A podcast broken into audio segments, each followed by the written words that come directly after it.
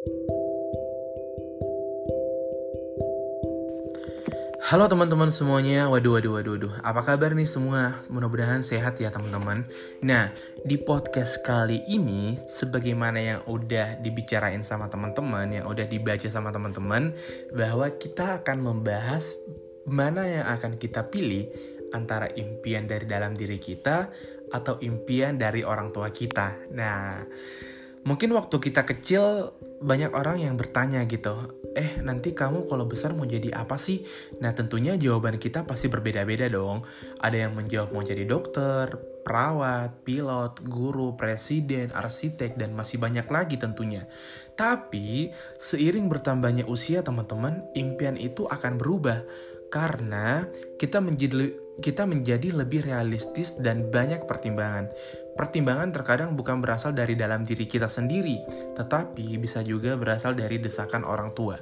Nah, mungkin kita merasa bingung harus mendengarkan kata hati dari dari diri kita sendiri atau mengikuti perkataan orang tua. Orang tua merasa berhak untuk melindungi anaknya dari kesengsaraan jika dia memilih pilihan yang salah. Nah, karena ketakutan tersebutlah terkadang orang tua suka memilihkan yang menurut mereka itu terbaik untuk si anak. Walaupun kebanyakan dari kasus yang terjadi, pilihan orang tua belum tentu disukai oleh anaknya. Misalnya aja ya, ada orang tua yang menginginkan anaknya untuk jadi seorang PNS, padahal si anak ini dia mau jadi seorang pengusaha. Nah, akhirnya ada perbedaan pendapat yang bisa saja menimbulkan suatu pertengkaran antara anak dan orang tua. Nah, tapi yang harus teman-teman tahu bahwa teman-teman merasa berhak untuk memilih jalannya teman-teman sendiri, sementara orang tua juga merasa bahwa mereka berhak melindungi anaknya dari kegagalan. Ya, ya siapa lagi sih orang tua yang melihat anaknya gagal gitu. Nah, tapi tidak ada salahnya juga ketika uh, tidak ada salahnya juga dengan dua hal tersebut. Walaupun mungkin itu yang membuat kita jengkel gitu kali ya. Nah, karena mungkin si orang tua ini selalu ikut campur dengan keputusan yang mau kita ambil. Nah, mungkin dari beberapa permasalahan tersebut, gue mau ngasih saran nih teman-teman. Gue mau ngasih tiga saran yang mungkin bisa saja dipergunakan oleh teman-teman dan gue rasa ini juga relate banget dengan uh, apa yang sekarang gue jalanin gitu. Jadi saran-saran ini adalah saran-saran dari gue. Nah tentunya teman-teman juga harus memperbanyak referensi-referensi lainnya. Nah yang pertama nih teman-teman menurut gue adalah dengarkan kata hati teman-teman. Kenapa gue rasa ini penting? Apa yang sebenarnya kita inginkan itu adalah hidup kita sendiri gitu. Apa yang kita inginkan dalam hidup kita ini adalah yang tahu hanyalah diri kita sendiri. Mau dibawa ke mana hidup kita, hanya kitalah yang bisa memutuskan. Orang lain hanya bisa berpendapat. Tentu kita harus menanggung juga konsekuensinya. Tapi mana ada sih keputusan yang tidak ada risikonya? Karena setiap keputusan pastinya akan menimbulkan reaksi yang berbeda. Akan selalu ada orang yang mendukung, dan akan selalu ada juga orang yang menentang kita. Tinggal bagaimana kita bisa menunjukkan bahwa kita bisa berhasil sukses dengan pilihan kita sendiri, teman-teman.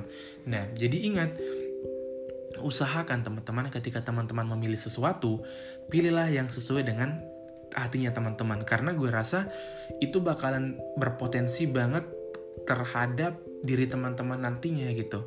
Ya meskipun kita tahu uh, apa ya saran dari kita sendiri itu ada risikonya dan saran dari orang tua pun pasti juga ada risikonya. Nah sama-sama ada risikonya gitu. Jadi sisa kita aja gimana caranya kita bisa uh, menjalankan hal-hal tersebut dengan baik. Nah yang kedua berikan penjelasan kepada orang tua teman-teman kenapa sih teman-teman memilih hal tersebut. Nah karena mimpi itu ibarat janji teman-teman yang harus kita ikrarkan lah ya. Mungkin kalau cinta yang apa like yang udah kita sumpahin lah gitu. Atas nama cinta atas nama cinta. Nah ini mimpi juga sama dengan hal tersebut gitu. Jadi mimpi itu bagaikan sebuah ikrar. Kita harus memberitahu kepada orang tua kita apa sih sebenarnya yang kita impikan. Jika mereka tidak menyetujuinya karena alasan tertentu ya kebanyakan adalah karena si orang tua ini takut melihat anaknya gagal gitu. Bisa jadi tuh anaknya hidup tidak terjamin anaknya jatuh miskin harapan anaknya tidak akan berjalan lancar. Pokoknya banyak karenanya deh. Nah jalan satu-satunya adalah teman-teman harus membuktikan melalui tindakan. Nah Tetapi teman-teman harus tahu satu hal juga. Nah, yang harus ditahu sama teman-teman adalah jangan pernah menyerah di tengah jalan ketika teman-teman memulai berjuang. Untuk menggapai impian teman-teman, teman-teman harus tekuni impian tersebut dan harus serius menekuni impian tersebut.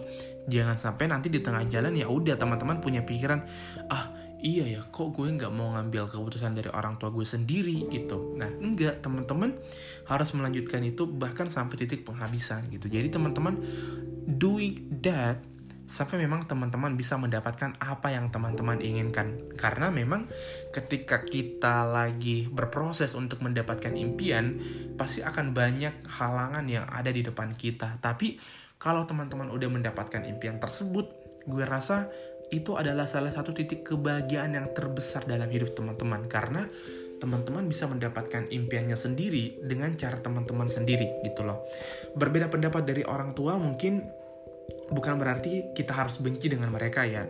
Jangan sampai kita beranggapan bahwa karena perbedaan pendapat ya mungkin kita jadi anak durhaka. Enggak gitu nah mungkin memang di awalnya ya teman-teman bakalan dicap sebagai anak yang pembangkang karena mungkin ya perbedaan pendapat lah ya sama orang tua tetapi ketika teman-teman udah menunjukkan hasilnya teman-teman bakalan mendapatkan respon yang bahkan di luar dari apa yang teman-teman pikirkan gitu dan tentunya kalau teman-teman mendapatkan hal tersebut, impian teman-teman, tentunya orang tua teman-teman pun bakalan ikutan bangga gitu loh. Nah, yang ketiga, kebanyakan orang sukses itu teman-teman menentukan pilihannya sendiri gitu. Alkisah ada sebuah cerita suatu, satu orang ma mahasiswa Harvard, dia pernah berkata si mahasiswa ini dia drop out dari kampusnya.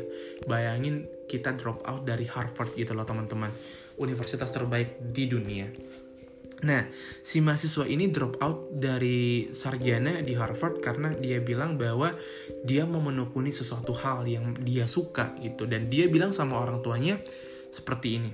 Suatu saat nanti aku akan tetap mendapatkan hal tersebut ayah ibu gitu. Jadi dia berjanji bahwa suatu saat nanti meskipun dia drop out sekarang, suatu saat nanti dia mendapatkan gelar sarjana tersebut gitu. Nah, bahkan beberapa tahun kemudian dia nggak dapatkan gelar sarjana tersebut. Yang dia dapatkan dari Harvard adalah gelar kehormatan dari Harvard sendiri. Luar biasa banget kan gitu. Nah, mau tahu siapa orangnya? Siapa lagi kalau bukan Mark Zuckerberg? Dia adalah pendiri Facebook.